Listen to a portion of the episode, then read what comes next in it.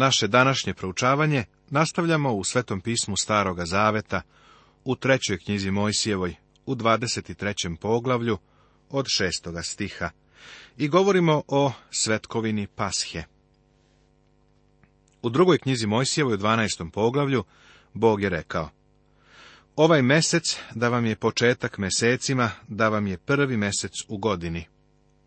Ova svetkovina predstavlja žrtvu i smrt Hrista, i vrednost njegove krvi. Očistite stari kvasac da budete novo testo, kao što ste stvarno beskvasni. Jer i Hristos je kao naše pashalno jagnje prinet na žrtvu, ovako kaže prva poslanica Korinčanim u petom poglavlju. Pasha potiče iz istorijskog događaja, iz posljednjeg zla u Egiptu, kada su pobijeni prvenci. Izraelcima je rečeno da zakolju jagnje i da njegovom krvlju premažu dovratnike i gornji prag ispred svojih kuća. Trebalo je da ostanu unutra, u kućama, da ispeku jagnje i pojedu ga. Anđeo smrti je prolazio pored svakih vrata koja su bila obeležena krvlju. Kada stignemo u četvrtu Mojsijevu deveto poglavlje, vidjet ćemo da su Izraelci držali pashu kada su se ulogorili na gori Sinaj. Pasha je doživjela svoje ispunjenje one noći kada je gospod Isus Hristos uhapšen, nakon što je praznovao Pashu sa svojim učenicima. Tada je ustanovio novi praznik na tinjajućoj žeravici starog. Potom vidimo zaklano jagnje u Jovanovom otkrivenju u petom poglavlju. Mislim da će se Pasha ponovo slaviti u carstvu. Jer vam kažem, neću je više jesti, dok se ne ispuni u carstvu Božijem, kaže Evanđelje po Luki 22. poglavlju. Svetkovina beskvasnih hlebova A 15. dana istoga meseca praznik je presnih hlebova gospodu. Sedam dana jedite hlebove presne. Prvi dan neka vam bude sabor sveti, nikakvoga posla ropskoga ne radite nego za sedam dana prinosite gospodu žrtve ognjene.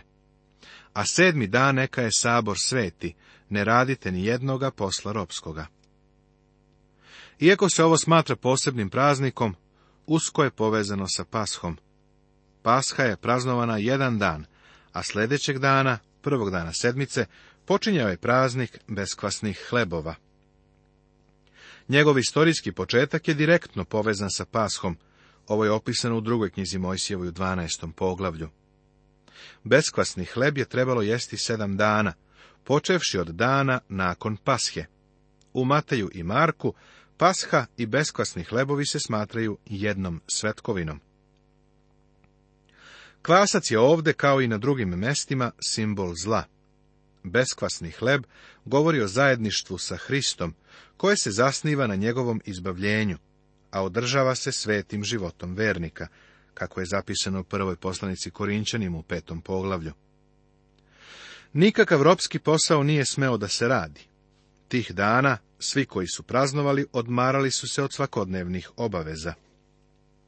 Trebalo je da prinose žrtve ognjene, što je upućivalo na žrtve paljenice, žrtve jestive i žrtve za greh.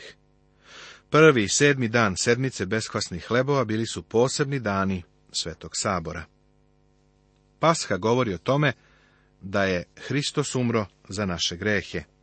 Nakon toga zajedništvo sa njim ne održavamo na osnovu toga da je on umro za naše grehe. Treba da ostanemo čisti, ispovedajući stalno svoje grehe. Naš gospod je svojim ljudima rekao, ako te ne operem, nemaš udela sa mnom, kaže Evanđelje po Jovanu, 13. poglavlje. Ovo ukazuje na to da vrednost Hristove krvi i dalje postoji i nakon što je vernik doživeo spasenje. Ako pak hodimo u svetlosti, kao što je on sam u svetlosti, imamo zajednicu jedan sa drugim i krv sina njegova Isusa Hrista čisti nas od svakoga greha, kaže prva poslanica Jovanova, prvo poglavlje. Krv Isusa Hrista nas stalno i dalje čisti. Ovo je smisao praznika mazota, beskvasnih hlebova. Svetkovina prvina Još reče gospod Mojsiju govoreći, kaži sinovima Izraeljevim i reci im, kad dođete u zemlju koju ću vam dati i stanete žeti u njoj, tada donesite snop prvina od žetve svojeg svešteniku, a on neka obrće snop pred gospodom, da bi vam se primio. Sutradan po suboti neka ga obrće sveštenik, Ovaj praznik nije mogao da se slavi sve dok Izrael nije izišao iz pustinje i ušao u obećanu zemlju. Kada su u svojoj zemlji posijali žito, morali su da gledaju i prate prve klasove žita. Čim bi primetili da se tu i tamo pojavio neki klas, oni su ih brali, spajali i pravili snop. Zatim bi taj snop donosili u šator od sastanka, a sveštenik bi ga prineo gospodu. Ne navodi se precizan dan kada se to činilo. Možda je to bio prvi dan beskvasnih hlebova ili posljednji dan tog praznika. Važno je to da se ovo činilo u prvi dan sedmice. Ovo je tako važno jer se Hristos naziva prvinom. A sad je Hristos vaskrsnut iz mrtvih kao prvenac od onih koji su umrli, kaže prva poslanica Korinčanima u 15. poglavlju. Ali svaki u svom redu, kao prvenac Hristos, zatim oni koji Hristu pripadaju, prilikom njegovog dolaska nastavlja se u ovom poglavlju. A vreme njegovog vaskrsenja tačno se navodi u Matevom evanđelju u 28. poglavlju. A posle subote, u svanuće prvoga dana nedelje, dođe Marija Magdalina i druga Marija da pogledaju grob. Prvoga dana sedmice Hristos prvina ili prvenac je vaskrsnut iz mrtvih. Jednoga dana crkva će također učestvovati u vaskrsenju, ali za sada on je jedini koje je vaskrsnuo u proslavljeno telo. Pri vaznesenju crkve svi ćemo vaskrsnuti. Baš kao što je Hristos vaskrsavao iz grobova, tako će i tada biti.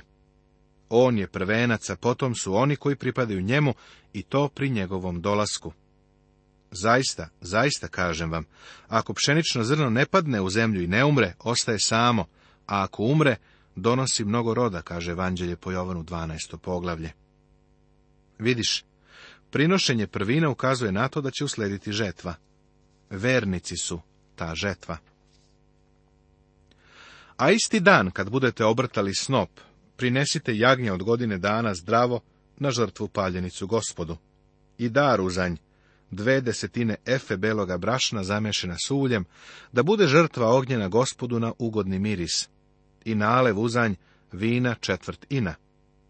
A hleba, ni zrna pržena, ni zrna u klasu nemojte jesti do onoga dana kad prinesete žrtvu Bogu svojemu.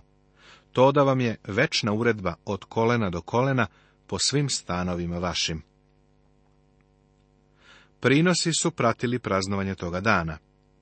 Nije se prinosila žrtva za greh, jer je to sadržano u Hristovoj smrti. Tu je on rešio pitanje greha ovi prinosi su ugodni miris. Onoga koji nije znao greha, Bog je učinio grehom za nas, da mi u njemu postanemo pravednost Božja, kaže druga poslanica Korinčanima, peto poglavlje. I živećete zato što ja živim, kaže Evanđelje po Jovanu, 14. poglavlje. Ovo je slavna istina koju ovde imamo. Novi prinos žita ne sme da se uživa sve dok se pred Jahvom ne prinese i ne zatalasa. Za vernika, Hristova smrt i vaskrsenje nas uvode u novi odnos i blagoslov. Prema tome, ako je ko u Hristu, novo je stvorenje. Staro je prošlo, vidi, postalo je novo, kaže druga poslanica Korinčanima u petom poglavlju. To ne znači da se samo nekoliko navika promijenilo. To znači da smo izvađeni iz starog Adama i pridruženi gospodu Isusu Hristu. Sada imamo novi cilj, novu svrhu, novu radost kao i novi život. A to će uticati i na druge stare navike, zar ne? On sve čini novo. Svetkovina Pentekosta Zapazi redosled, hronološki sled koji ovdje imamo. Pasha nam govori da je Hristos, naša pasha, žrtvovan za nas. Beskvasni hlebovi ukazuju na to da delimo sa Hristom ono što je njegovo, da imamo zajedništvo sa njim. Zatim, prvine ukazuju na Hristovo vaskrsenje, na prve naštvo iz mrtvih. Sada dolazimo do Pentekosta. Potom, od prvoga dana po suboti, od dana kada prinesete snop za žrtvu obrtanu, brojte sedam nedelja punih. Do prvoga dana po sedmoj nedelji nabrojte pedeset dana, onda prinesite nov dar gospodu. Postoji nekoliko stvari u vezi sa Pentekostom koje treba da zapazimo, jer su danas od toga napravljene mnoge stvari koje uopšte nisu po svetom pismu. Praznik Pentekosta je uvek padao u prvi dan sedmice. Računali su sedam subota, a to je sedam sedmica ili devet dana, a onda 50. dan dan nakon sedme subote, prvi dan sedmice bio je Pentekost. Bio je to 50. dan nakon prinošenja prvina. Crkva je rođena prvog dana sedmice. Prvog dana sedmice je naš gospod vaskrsnuo. Zar nam to ništa ne govori? Zar za crkvu ne bi bilo čudno da se vrati i praznuje staru subotu koja je pripadala starom stvorenju, kada je crkva novo stvorenje? Kada se crkva okuplja prvog dana sedmice, slavimo gospodnje vaskrsenje i rođenje crkve. Ovaj praznik se još naziva praznikom sedmica. Pravo značenje Pentekosta nije ostavljeno čovekovoj špekulaciji. A kad dođe pedesetnica, svi su bili zajedno na istom mestu. Tada se svi ispuniše duhom svetim, pa počeše govoriti drugim jezicima. Kako im je duh davao da govore, kažu dela apostolska drugo poglavlje. A kad dođe pedesetnica, odnosno Pentikost, ovo ne znači 12 sati podne niti šest uveče. A kad dođe pedesetnica, predstavlja ispunjenje onog što je gospod dao u trećoj Mojsijevoj, u Levitskoj knjizi. Ovo označava dolazak Svetoga Duha, koji krštava vernike u telo Hristovo, kao i početak pozivanja crkve. Pentekost je rođendan crkve. Bilo je to 50 dana nakon Hristovog vaskrsenja, tada je sveti duh sišao. Bog se kretao po svom kalendaru i kretao se na vreme. Trebalo je da prinesu novu, jestivu žrtvu. Ovo je prikaz crkve. Crkva je nešto novo. Hristos nije rekao da će nam dati staru odeću i da je treba zakrpiti. On je došao da donese potpuno novu haljinu pravde. Biti u Hristu znači biti odeven u njegovu pravednost. Tako nas Bog vidi. Treba da obratimo pažnju na vremenski sled. Nakon vaskrsenja gospoda Isusa, on se pokazivao 40 dana, a onda, neposredno pred vaznesenje u nebo, rekao je svojim sledbenicima da ne idu iz Jerusalima, nego da čekaju na očevo obećanje. Kazao im je da treba da se obuku u silu sa visine. U delima apostolskim u prvom poglavlju ovako piše, a vi ćete za koji dan biti kršteni duhom svetim. Posle deset dana, na dan Pentekosta, duh Boži je sišao na njih. Iz stanova svojih donesite dva hleba za žrtvu obrtanu, od dve desetine efe beloga brašna da budu, s kvascem neka budu pečeni, to su prvine gospodu. Da li ti išta ovdje deluje iznenađujuće, upadljivo? Rekli smo da je kvasac princip zla i da nije smeo da se nađe u prinosima. Ovde imamo izuzetak. Ovo je simbolički prikaz crkve. U novom prinosu jestive žrtve nalazimo i kvasac. Šta to znači? To znači da je zlo u crkvi. Ovo je najuobičajenije mišljenje. Četrdeset godina sam bio pastir. Služio sam u četiri različite države od Atlantika do Pacifika. Bio sam u nekim divnim crkvama i na to i sada gledam sa velikom radošću. Imao sam divno zajedništvo sa članovima tih crkava. Oni su voleli mene, a ja sam voleo njih. Bili smo vrlo bliski. Međutim, desilo se da mogu da posvjedočim i o tome da u crkvi postoji i zlo. Zato je prinos uključeni kvasac. To govori o vidljivoj crkvi ovde na zemlji, o crkvi kakvu ti i ja vidimo i poznajemo, jer u njoj ima zla. Gospod je to znao mnogo pre nego što je crkva i nastala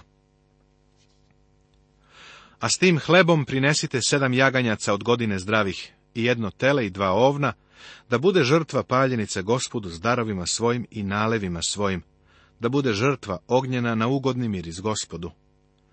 Zakoljite i jarce jednoga za greh i dva jagnjeta od godine za žrtvu zahvalnu.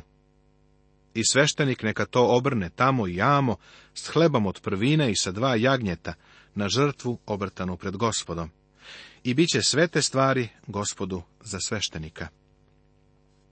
U ovo vreme trebalo je prinositi sve žrtve. Sve što Hristos jeste i sve što je učinio dato je crkvi. Vernici iz njega mogu da crpe sve što im je potrebno. Hristu možeš doći radi spasenja, pre svega. Zatim mu možeš doći radi pomoći i milosti, radi saosećanja i utehe. Možeš mu doći u svim životnim situacijama. Sve žrtve su prinošene u svo vreme. Zar nije zanimljivo kako gospod u ovim prikazima tebi i meni daje neke od najvećih istina? Radije koristi slike nego hladne teološke termine. I saberite se u taj dan. Sabor sveti da vam je. Ni jednoga posla ropskoga ne radite zakonom večnim po svim stanovima svojim od kolena do kolena. Trebalo je da se toga dana odmaraju i da prekinu sa svim poslovima. To je ono što ti i ja treba da učinimo kada dođemo Hristu. Spasao nas je ne na osnovu dela koja smo mi učinili u pravednosti, nego po svojoj milosti, banjom koja preporađa i obnavlja duhom svetim, kaže poslanica Titu, treće poglavlje, peti stih. A kad stanete žeti u zemlji svojoj, Nemoj sasvim požnjeti njive svoje, ni pabirči po žetvi. Ostavi siromahu i došljaku, ja sam gospod Bog vaš. Svetkovina se prilagođavala zemlji. Usred slavlja trebalo je da se sete sirotih i stranaca. Ovo je praktična strana rada crkve i svih današnjih vernika. Blagodaću smo spaseni, ali treba da se potrudimo da reč Božiju prenesemo u narod i da narodu budemo od pomoći. Ne vjerujem da crkva ima ikakvo pravo da se uključi u neku socijalnu službu u kojoj ne predstavlja evanđelje. Treba da hranimo ljude i da ih dosegnemo u njihovoj potrebi, ali uz to moramo da im saopštimo evanđelje. Treba da imamo na umu da čovjek sa praznim stomakom neće baš biti spreman da sluša evanđelje. Jakov o ovome ima šta da kaže. Čitajte poslanicu Jakovljevu, drugo poglavlje. Ovo također gleda ka velikoj žetvi na kraju vremena, nakon vaznesenja crkve, kada će se Bog setiti Božaca. Poslanica Jakovljeva u prvom poglavlju kaže, po svojoj volji on nas je rodio istinitom rečju, da budemo neka prvina od njegovih stvorenja. Prva crkva je bila jevrejska i bila je prvina, ali trebalo je da usledi pripajanje velikog broja pripadnika drugih naroda naš gospod ovako govori o kraju vremena. Njiva je svet. Dobro seme, to su sinovi carstva. A kukolj su sinovi zla, a neprijatelj koji ga poseja jeste đavo. Žetva je kraj sveta, a žeteoci su anđeli, kaže evanđelje po Mateju u 13. poglavlju. Ovo je sud za kraj vremena. Anđeli ni na kakav način nisu povezani sa uznesenjem crkve. Ovdje je u pitanju sud koji dolazi. Evo sluge mojega, koga podupirem, i zabranika mojega koji je mi o duši mojoj. Metnuću duh svoj na njega, sud narodima javljaće, kaže knjiga proroka Isaije, 42. poglavlje. Svetkovina spomen trubni Još reče gospod Mojsiju govoreći, kaži sinovima Izraeljevim i reci, Prvi dan sedmoga meseca neka vam je odmor, spomen trubni, sabor sveti. Nijednoga posla ropskoga nemojte raditi, nego prinesite žrtvu ognjenu gospodu. Ovdje je važan datum. U sedmom mesecu dešavaju se tri praznika. Ovo kao da je neki subotni mesec, baš kao što postoji subotni dan i subotnja godina. Ovim se obeležava početak kalendarske godine baš kao što je Pasha označavala početak religijske godine. Duvanje u dve srebrne trube se koristilo za putovanje Izrela kroz pustinju, prema četvrtoj knjizi Mojsjevoj, desetom poglavlju. U trube se duvalo sedam puta i to je bio znak za pokret. U otkrivenju postoji sedam truba koje pokrivaju period velike nevolje i u čije će vreme Izrael biti obnovljen u svojoj zemlji radi doba carstva i tada će se zatrubiti u veliku trubu, i koji se behu izgubili u zemlji Asirskoj, i koji behu zagnani u zemlju Misirsku, doći će i klanjaće se gospodu na svetoj gori u Jerusalimu, kaže prorok Isaje u 27. poglavlju. I poslaće svoje anđele sa glasovitom trubom, pa će skupiti njegove izabranike od četiri vetra, od jednog kraja neba do drugog, kaže evanđelje po Mateju, 24. poglavlje. Pre obnovljenja, i ponovnog ustanovljenja Izraela, crkva će već napustiti ovu zemlju. Ljudi će gospodnji glas začuti kao zvuk trube. To su ljudi koji su ostali na zemlji koji će čuti zvuk trube. Blago narodu koji zna trubni poklič. Gospode, u svetlosti lica tvojega oni hode, kaže psalam 89. Trube su povezane sa sudom koji dolazi. Nastavit će se.